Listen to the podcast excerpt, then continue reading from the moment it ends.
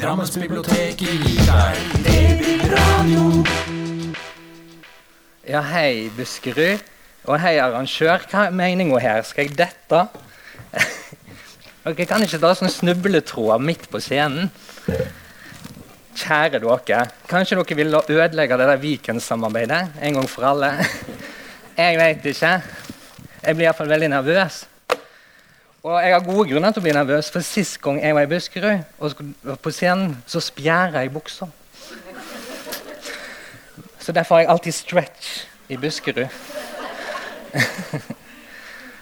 um, ja, vi skal begynne her. Vi skal begynne på, på um, rett og slett over et fjell og gjennom en tunnel. uh, over ei bru, og hvor er du da? Da er du på Vestlandet.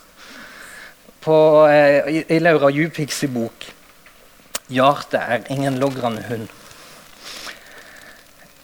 Eh, den boka eh, vet ikke om den kommer til å treffe absolutt alle av dere. Det tror jeg ikke. Men den treffer meg ganske hardt. Og jeg tror at grunnen til at den treffer meg ganske hardt, er at jeg kjenner meg igjen. Jeg kan kjenne meg igjen i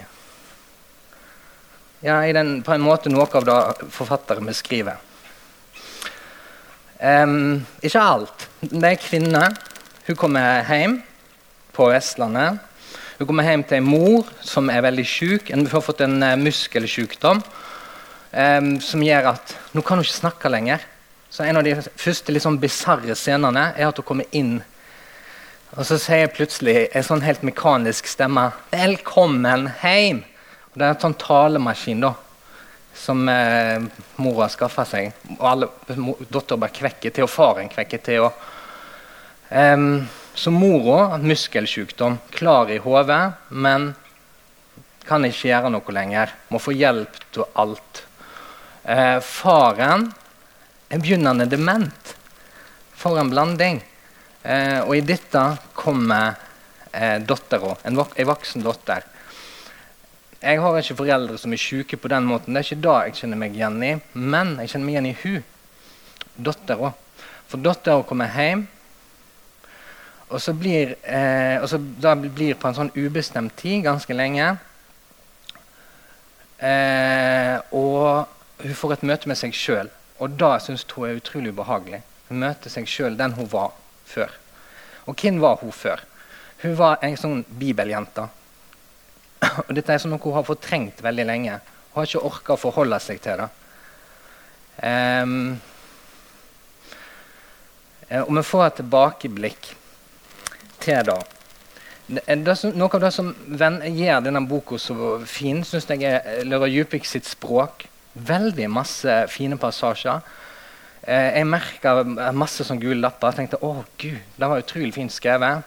Også da at historien er så konsentrert. Det er dette det handler om. De syke foreldrene møter seg sjøl i døra.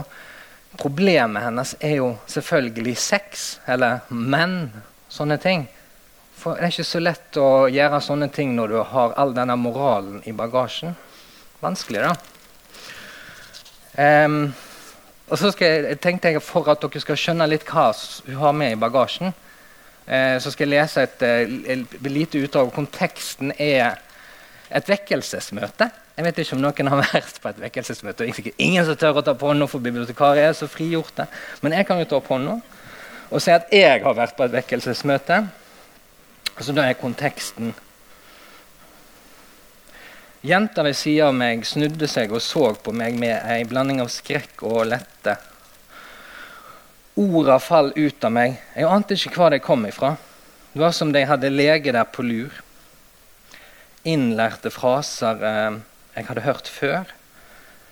Slike jeg alltid hadde sett ned på. Jeg må ha følt meg fanga. Jeg må ha følt at det ikke var så farlig at det var mer å tape på å reise seg og gå enn på å lystre. Orda var ikke sanne. Jeg var aldri så angrende, så villig til å kalle meg en synder. Jeg forsto ikke hva slags synder jeg var, men jeg gjorde det likevel. Jeg ba om tilgivning for at jeg var som jeg var. Det tok bare noen minutter. Så var audmykinga over. Hele rommet var som en andeløst ventende kropp. Jeg lette etter øynene. Det går bra. Det er over. Jeg skulle snart bort derifra. Jeg skulle videre. Men ordet blir jo kjøt, som de sier. Det går ikke over. Ord blir til noe. Det blir radio. Og da regner jeg med at dere skjønte at det var en ny bok, og det gjorde dere. Det var fint. Eh, dette er en annen bok. Hanne Ramsdal er, er, har jobba siste året mye, mye med regi. Hun har jobba mye med manus og mye med regi. Det er lett å se. Hun er veldig god på dialog. Hun er veldig god på å bygge opp eh, spenning, drama. Dette er en ubehagelig bok å lese. Det handler om språket hennes, og det handler om måten hun bygger opp på. Hun bruker mye 'du', som er skikkelig vanskelig form. Det er forfattere i salen her. Du, kan dere ikke bekrefte, sånn at jeg blir trygg, at du er vanskelig å bruke? Jeg har iallfall syns det sjøl. Jeg har sett forfattere som har klart det, og jeg har sett forfattere, f.eks. For Roskva Koritsinski eh, har en lang novelle jeg tror det er den siste novellesamlinga der å bruke du-form. Det funker. Og så har jeg sett ganger det ikke funker. Og da blir det så slitsomt. For da må jeg lete sånn du, og så er det liksom meg, og så må jeg ta stilling til det hele tida. Men Hanne Ramsdal er flink. Hun får det til i denne fryktelig ubehagelige boka 'Jeg kaller deg Pjotr', som også er litt morsom. Jeg kan jo lese et lite utdrag fra de to hovedpersonene som chatter med hverandre på engelsk. Olga og Pjotr. Olga sier I will do my best to make you feel good before I go wild in Fletta and force you into back room to sit on dick till pussy blown you away. Best regards helpdesk. Desk 24. Og så svarer Pjotr. Oh no. No hard dick till spot and spare for everyone. Yes. Sit on soon. Yes. See soon. P. Å, dere er så alvorlige. Gud. Dette skulle være morsomt, og dere bare mm, Jeg er bibliotekar, må være alvorlig. eh, dette er jo morsomt. Det er en morsom del av boka. Eh, men det er for all del bare være alvorlige, for det er fryktelig alvorlig og ubehagelig bok også. Det er faktisk en sånn bok der jeg innimellom følte jeg måtte ha sånn pute. Det ble så vanskelig å lese at jeg følte at jeg ikke orka å lese. jeg skal bare lese litt om alvoret i det. Det er bare bitte lite utdrag om hvordan hun oppfører seg. For hun blir kan, Hvis vi skal tenke sånn leseservice, så kan jeg tenke meg at denne eh, bruk kan hektes veldig på den er 'Hekta' av Sissel Gran. Og sånne fagbøker som da. Hun, hun hektet til den sjøl. Eh, hun skriver her jeg oppførte meg som om det var jobben min å sitte og vente på SMS fra deg. Som om telefonen min var nødtelefon man får betalt for å våke over 24 timer i døgnet. Slitsom bok, men les den. Og så er det Helene igjen. Det blir, det blir radio. Neste bok jeg skal snakke om, heter 'De uskyldige' og er skrevet av Kristine Hardeberg. Denne boken handler om to kvinner som lever i to forskjellige tidsepoker. Den handler om Teresa, som vokser opp i Firenze på slutten av 1800-tallet. Eh, dette er en urolig tid i Italia, eh, og, spesielt, og en vanskelig tid kanskje spesielt for kvinner. Eh, Teresa ønsker bl.a. å ta seg en utdannelse, og det er ikke enkelt på den tida. Det, hun får lov, og det ender opp med at hun får en privatlærer, og det kan bli skjebnesvangert, eller det blir skjebnesvangert for henne. Sandra bor i en liten bygd på Vestlandet i vår nåtid. Eh, moren hennes dør, og, og hun blir nysgjerrig på sin egen historie. Far har vært fraværende hele livet, og hun begynner å søke og lete etter sin far. Eh, denne letingen fører henne til Firenze.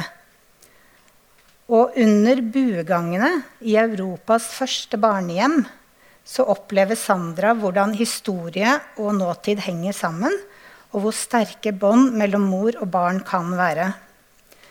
Sandra og Teresas liv de griper inn i hverandre. Um, og spesielt så er Teresas historie uh, sterkt og godt beskrevet, syns jeg. da. Uh, dette er en bok som både er spennende og troverdig, men også en sterk og vakker fortelling om Firenze og om Hospitalet degli Innocenti, som er Hittebarnshospitalet, eller Europas første barnehjem. Og da kan jeg fortelle at eh, dette Hittebarnshospitalet da var det sånn at Folk kunne komme med de barna, gjerne spedbarn som de ikke klarte å ta vare på selv. Og de la de i en liten krybbe på utsiden, i en sånn slags eh, ja, eh, fontene, eller jeg vet ikke helt hva man kaller det. Um, og så banket man på døra, og så gikk de, og da kom det noen inn fra hospitalet og hentet disse spedbarna inn og tok vare på dem.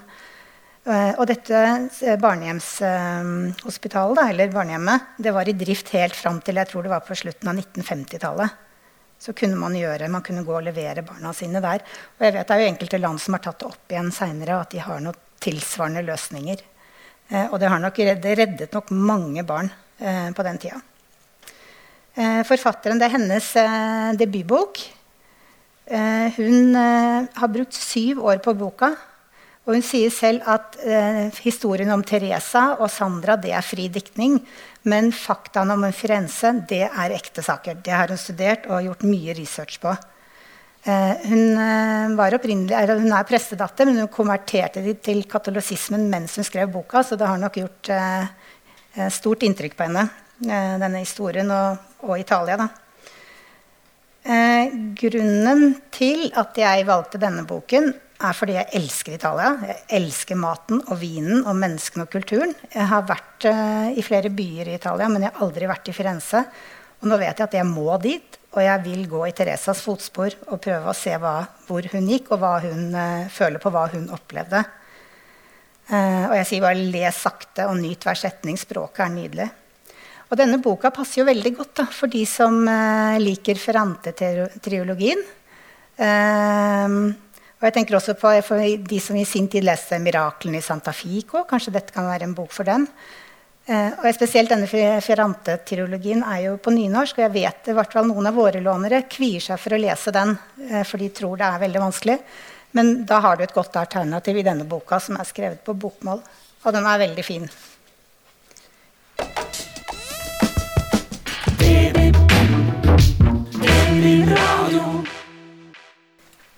Ok, Så har vi Klara Weberg, som har skrevet 'Lene din ensomhet langsomt mot min'. Denne boken handler om Rakel. Rakel eh, sliter med å, få, for, eh, med å, få, seg venner. Hun forstår ikke hvordan hun skal klare det. Eh, hun får det ikke til. Eh, hennes venner er bokstavene, tallene, og så har hun en fantasivenn som heter David. Eh, Rakel eh, begynner å studere matematikk i Oslo. Og der blir hun venn og senere kjæreste med profess, matematikkprofessoren Jakob. Men Jakob er gift og han vil ikke forlate sin familie og sine barn. Allikevel så er de sammen. I syv år er Rakel kjæreste med, ja, med Jakob, som da er gift hele tiden. Og hun begynner etter hvert å forstå at uh, han kanskje aldri vil forlate kone, sin kone og sine barn til fordel for henne. Og hun gir han ett år eh, på å bestemme seg. Eh, I denne perioden så blir Rakel syk. Og hun blir sengeliggende. Eh, jeg tror hun eh, får ME. Jeg kommer litt tilbake til det etterpå. Og mens hun er sengeliggende og flytter hjem til sin mor og far, og de, de, hjelper henne, så prøver hun å forstå seg selv og sitt forhold til verden og til kjærligheten. For det er vondt å være forelsket og ha en kjæreste som ikke bare er din. Hun, etter hvert så konfronterer hun Jakob med, med, dette. og Da har jeg bare lyst til å lese hva, hva Jakob svarer. Hvordan kunne du la meg vente så lenge på deg hvis du ikke elsker meg? hører hun seg selv si. Vi valgte jo til og med navn på barna våre. Jeg vet ikke. Jeg ville bare lene din ensomhet langsomt mot min, sa han stille. Eh, dette er en bok som er full av fine ord, av matematikk, av musikk. Det er en usedvanlig vakker og sår bok, men samtidig så er den humoristisk. Og den handler om å finne mening og sammenhenger akkurat når en trenger det. Kapitlene og formateringen av boken gjør at er, eh, du får en behagelig leseopplevelse. Og setningen og språket er som sagt veldig vakkert. Da. Og har du matteskrekk, så passer den for deg allikevel. Så ikke la matten som tema skremme dere fra å lese den. Eh, forfatteren, ja, Det er jo hennes debutbok. Eh, hun er matematiker selv, professor i matematikk. Hun har hatt ME og tok doktorgraden i matematikk mens hun hadde ME. Og Det er derfor jeg tror at uh, Rakel også hadde ME, for hun beskriver så godt den sykdommen og hvordan uh, Rakel har det. Så jeg tenker at dette må være selvopplevd. Så det er ekte og sanne beskrivelser, føler jeg da. Det er en liten perle. Vakker, sår og humoristisk. Um, og hvis dere ser på uh, Forfatteren heter Klara Weberg. Rakel heter Rakel Havberg. Hvis man flytter litt på bokstavene i Klara Weberg, så får du akkurat Rakels fulle navn. Um, og grunnen til at jeg valgte denne boken, det var rett og slett tittelen 'Lene din ensomhet langsomt mot min'. Jeg syns den er så nydelig, og den, så, den varmer. Så det var rett og slett grunnen til det valget.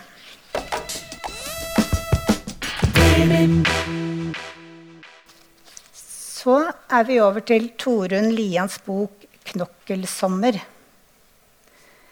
Tenk dere å, å, reise på ferie. Dere sitter i en bil um, og skal kjøre ned til sommerhytta, og man gleder seg til uh, en deilig sommer, og du har forventninger om iskrem og solkrem og gin tonic, uh, gin tonic og sorgløse dager.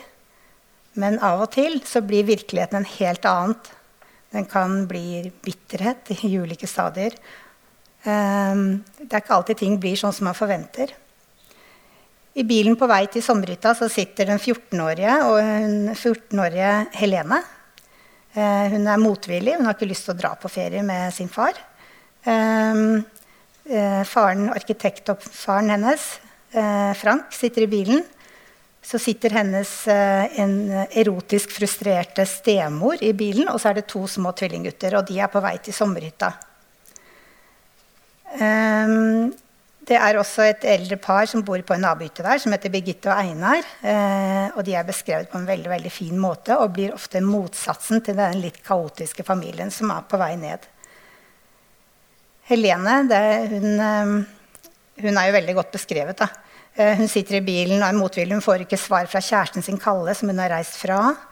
Eh, hun treffer Mikkel der nede, og både hun og stemoren forfører Mikkel. Eh, mens Frank, den selvopptatte arkitektfaren hennes, han lengter etter sin elskerinne, som han hadde før han og Helenes mor gikk fra hverandre. Og hun bor jo da på nabohytta sammen med sin mann. Så her er det masse konflikter og mange ting som skjer på et lite sted. Det er veldig gode karakterskildringer. Og spesielt så er Helene godt skildret. Hennes usikkerhet og ensomhet og tanker. Og Helene hun griner ikke, selv om hun er på gråten hele tiden. Men hun skriker heller ikke. Hun samler armene i kryss og stamper og spenner alt det uskrekne ned i plenen. Og Helene higer etter å være ekte og ærlig, men hun lærer de falske tingene bedre for hver dag. Torunn Lian skriver veldig godt. Hun eh, beskriver naturkrefter. Eh, Helene tar tar, setter seg i en robåt og drar ut på sjøen under uvær. Det blåser, og det er helt eh, forferdelig vær. Og hun mister årene. Og det er en sånn eh, beskrivelse som Torunn Lian er veldig flink til å gi. deg, både av de naturkreftene som er i sving, men også den dramatikken som skjer, og hva som faren og Mikkel føler når de leter etter henne. Um, den er nesten, er nesten et film, filmatisk fokus. Og dette er jo noe Torunn Lia kan. Eh, den handler om å elske sine barn og våge å vise det. Og en nagen lengsel etter hvordan livet kunne ha vært. Og det er flere skjeletter som faller ut av skapet, og de rasler mens de faller. Og der har dere også tittelen, 'Knokkelsommer'. Eh, alle skjelettene. Det er veldig godt språk i boka. Eh, jeg gleder meg til filmen. Jeg håper den kommer. Og da kommer jeg litt inn på hvorfor jeg valgte akkurat denne boka. Og det er rett og slett, det er ikke fordi hovedpersonen i boka har så fint navn, Helene. Men det er fordi jeg eh, husker så godt 'Frida med hjertet i hånden' og de andre ungdomsbøkene til Torunn Lian. Eh, og det var grunnen til at jeg hadde både lyst til den, å lese den, og til at jeg valgte den.